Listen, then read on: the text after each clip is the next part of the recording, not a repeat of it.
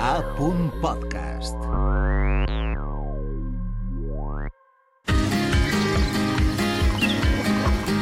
Ben i parlem, un podcast per aprendre valencià amb Aina Monferrer. Benvingudes i benvinguts a un nou podcast de Beniparlem. Avui ens centrarem en barbarismes i en altres errors de vocabulari de nivells avançats, és a dir, de nivells avançats però també intermedis avançats. Heu de tindre en compte que, quan esteu en nivells intermedis avançats, a banda dels continguts del nivell en- qüestió, heu de conèixer també els barbarismes de nivells anteriors, ja que els coneixements quan aprenem llengua són com les calories, s'acumulen. També conversarem amb alumnes i es proposarem un joc. Avant les atxes! Això a la valenciana. Saludem a Carla i a Amandín.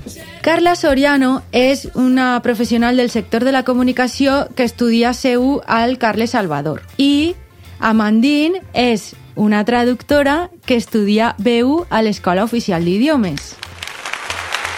Amandín, com van els estudis? Bé, estic eh, començant. Eh, molt bé, per ara. Sí? Estàs Sí. contenta? Et posen molts deures? Sí, eh, em permet eh, parlar amb més gent i m'encanta. Molt bé. Carla, quan has estudiat valencià, per què ho has fet? per necessitat i per, i per interès, perquè mm, jo sóc valenciano parlant des de xicoteta, però escriure és una cosa que no és tan senzilla. Escriure formal i parlar formal és complicat si no te ho han ensenyat, està clar. I, mm, Carla, Amandín, estudieu altres llengües o heu estudiat altres llengües a banda del valencià? Jo sí, italià. L'italià, molt bé. I quin nivell tindries més o menys d'italià? Un C1. Un C1, mare meua! Això ja és eh, avançat. I Amandín imagine que també, no? Perquè si és traductora... Sí, jo, bueno, eh, la meva llengua materna és el francès, parle també anglès, eh, holandès, eh, perquè, perquè sóc de Bèlgica, i una miqueta de turc. Ostres! Uau. Sí. Una llengua aglutinant. Serà sí, m'encanta, m'encanta. Molt difícil, però m'encanta. I en turc sabries dir alguna cosa així? Eh, Merhaba, eh, günaydın. Merhaba, gunaydın? Sí, és eh, bon dia, eh, què tal? Bon dia, què tal? Me ho apunte, me ho apunte.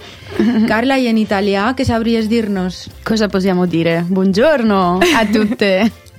Oh, que bonic. Ja m'agradaria a mi també eh, saber italià i turc algun dia. Una pregunta. Carla, tu sabries o em recomanaries algun llibre o alguna pel·lícula en valencià? Te puc recomanar les poesies completes de Josep Piera. Josep Pieras de Gandia, no? Afirmatiu. Molt bé, molt bé. I Amandín, tu em recomanes alguna, algun grup de música, alguna pel·lícula, alguna sèrie en valencià de qualsevol part del territori? Eh, M'encanta escoltar The Tiets, mm. eh, és un grup de música de, de, de Barcelona.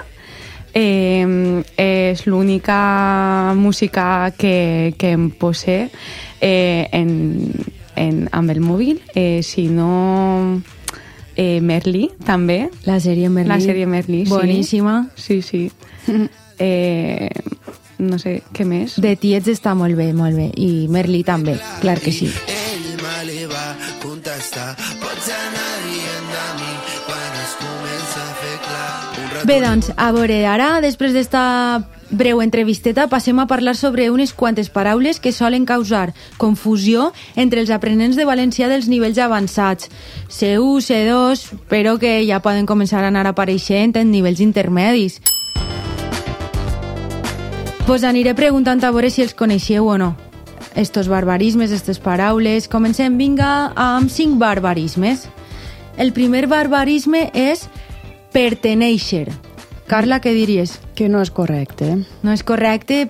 Sabries substituir-lo? Eh, pe- pe- pe- pertanyer... Pertanyer, genial, clar que sí, pertanyer. Jo pertany, per exemple, al Departament de Didàctica de la Llengua i de la Literatura de la Universitat de València. No podria dir que jo pertanc.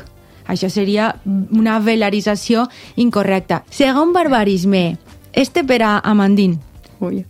A veure, umbral. L'umbral de la pobresa. El soy, no? El, sots, no. Umbral? Un brai.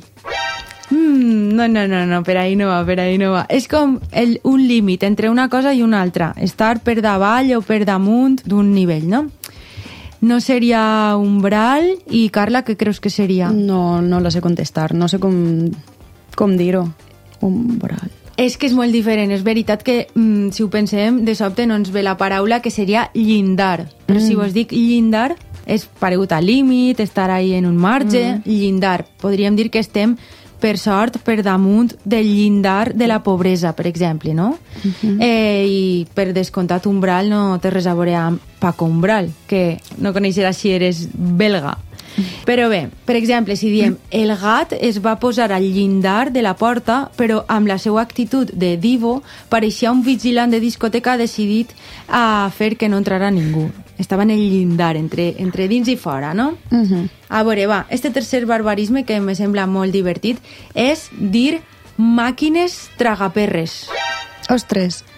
Saps què és? No. És molt típic dels bars d'ací. Carla, sabries dir-ho en, en valencià? No. És una altra paraula composta, però utilitza una altra metàfora. Però primer explicarem a Mandín això de tragaperres què és. Com en anglès jackpot, Oh. Com en els casinos, D'acord, però que a vegades així entres a un bar normal i te'n trobes Mhm. de màquines ahí, de escurabutxaques, es diuen. Ai, és cura butxaques. És No, de veres. Una butxaca, No saps què és, Amandín? No. Dis-li-ho tu, Carla. Butxaca? Ah, butxaca, sí, sí. del pantaló, la butxaca del pantaló, i escurar és com eh, arreplegar tot el que hi ha, no? netejar-ho. Aleshores t'escura les butxaques. Acaba amb totes les monedetes i els bitlletets que tens a les butxaques. La, això és una màquina escura butxaques, no tragaperres. Eh, vinga, va. Un altre barbarisme. No diem que una cosa és verosímil. En castellà diem verosimilitud, verosímil... I com ho diem en valencià? Estes són de nivell avançat, Sí, eh? eh, jo m'esteu pillant en totes. No me les sé. És normal, eh? que us indigneu perquè és una manieta que tenim els mestres de valencià que és sempre buscar l'error ahí més, Més, eh, punyeter de tots. Mm. Verosímil eh, en valencià és versemblant. Ah. Que una cosa és versemblant. Que bonic. Vers, En francès, vraisemblable. Que Veus bo. tu? Vraisemblant. I en italià? Pues esta parola no... Fotuda, eh? La parola non la conozco en italiano. No, és que serà de nivells avançats, C2. Versemblant, eh, doncs això seria, no hauríeu de dir verosímil, sinó versemblant, versemblança... I ara passem a un altre barbarisme que fem una cosa en valencià molt típicament per influència del castellà, que és verbs que són de la segona persona, fer-los de la tercera. I aleshores diem combatir. Combatir una Combatre. malaltia, combatir l'atur... I com és? Combatre. Combatre. Ahí el francès ajuda molt, eh? Sí. Ahí el francès ajuda. I en italià com seria? Potser és combattere. Mm? Podria ser combattere. Ho, ho Podria hauria de... existir. Podria existir, ho hauria de buscar. Ho haurem de buscar. Les llengües romàniques es pareixen totes molt. Mm. I bé, altres exemples en aquest sentit paregut a combatir, que seria combatre, els tenim amb concluir, que seria concloure, recurrir, que seria recórrer, confundir, que seria... Com seria confundir? Confondre. Confondre, molt bé. Molt bé. Transmitir, que seria Transmetre. transmetre, molt bé, Carla. I interrompir, com seria? Interrompre. Interrompre, molt bé. Jo crec que ahir sí que pot ser que ajude el francès. Sí, moltíssim. Aleshores, ahir hauríem de conjugar estos verbs en segona conjugació i no en tercera.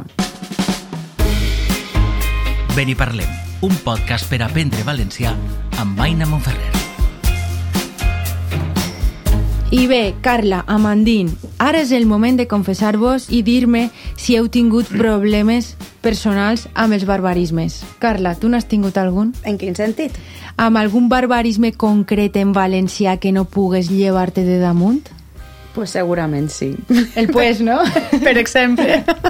El pes és un problema, una pandèmia. I el entonces... Bueno, pues entonces hasta luego, no? Són tot barbarismes, Amandín, que estem molt influïts pel castellà. I quin barbarisme podries dir-me, Amandín? El bueno, El bueno. Molt bé, també. perquè no, no, no és el mateix. Si, si dic eh, bé. no te trobes igual de còmode. No. Pot, t'hauries d'acostumar sí, per a parlar el valencià estàndard, però sí, o directament pots evitar, perquè moltes vegades bueno, entonces ho diem i no fa falta dir-ho, són com crosses que posem ahí que podem llevar i ja està, sense substituir. Bé, i ara passem als doblets lingüístics, que són pareguts als barbarismes, però més tranquil·lets. Aquesta doble vida Els doblets són paraules que les dos són correctes però que realment tenen significats diferents. Pareguts però diferents. Vinga, comencem amb el primer doblet. El primer doblet és el cas de tràfic i trànsit. Carla, tu sabries dir això per on va? Tràfic i trànsit són sinònims? No, sí? Són No, sinònims? no ho són, no No, jo penso que no, no són sinònims. No ho són. Aleshores, tu diries trànsit de drogues? No, diria Ah. tràfic de drogues i trànsit intestinal. Sí, sí, sí, sí, sí, sí. Tran... Mai se m'hauria ocorregut trànsit intestinal, però... però sí, sí, és un trànsit, és una, una circulació densa, normalment de vehicles, però també podria ser de menjar a, a l'intestí. Trànsit. M'ha vingut de la publicitat de la tele. A mi també, a mi també. Sí, ho diuen. Ostres, molt bé. I tràfic és de, de substàncies il·legals o de persones de manera il·legal, tràfic de drogues, etc. Un altre error que tenim, vinga. Un doble lingüístic. Rentable i rendible. Són el mateix? Rentable i rendible? Amandín, què diries? Que no. Que no, evidentment. Sí, no, no ho hauríem posat així, però eh, rentable què podrà voler dir? Que do- et dona un benefici, que pots... Això serà eh, rendible. Això és rendible. veus tu. I rentable ve de rentar. Ah, sí, doncs jo ho dit al revés. Ah, Perquè normalment diem rentable a tot, a que es pot rentar i que dona diners. Però si dona diners diríem rendibilitat, rendible... Un altre doblet que seria el de metge i mèdic. Tenen un significat paregut, però mm, podríeu donar-me un exemple en què utilitzaríeu un metge i, i un altre en què utilitzaríeu un mèdic? Per exemple, Carla? Eh, sí, eh, per exemple, dilluns hauria d'anar a la consulta del metge per a que me redacte un informe mèdic. Correcte, a la consulta del metge perquè em redacta un informe mèdic o a la consulta mèdica. Aleshores, és una diferència perquè metge és un substantiu no? i mèdic és un adjectiu. Ben i parlem, un podcast per aprendre valencià amb Aina Monferrer. I després passem a una altra, que és també de nivells avançats, que és la diferència entre cita i citació. eh, Amandín, com que saps altres llengües, també pots aprofitar-les si trobes la diferència entre una cita i una citació. eh, una cita prèvia amb el metge. Sí, correcte. Vale. I citació d'un autor famós. Sí, cita significa fixar un dia i una hora per a trobar-nos i citació és una ordre de compareixença, una citació, o també una citació textual, Mhm. citar un autor en un text. Citació, cita. Ho sabies, Carla? Eh, no. No, perquè tampoc eres correctora lingüística. Eh, i no, gràcies. No, no et fa falta. Com que, com que Amandine es dedica més als textos, perquè és traductora, pot ser per ahir ho haig ja deduït, no? I ara juguem, no? Vos, vos ve de gust jugar? Per favor. Vinga, fem un joc. Ben i parlem, un podcast per aprendre valencià amb Aina Monferrer. És sobre barbarismes, d'acord? El joc consisteix que jo vos llegiré uns enunciats i a veure si sabeu identificar-hi els errors.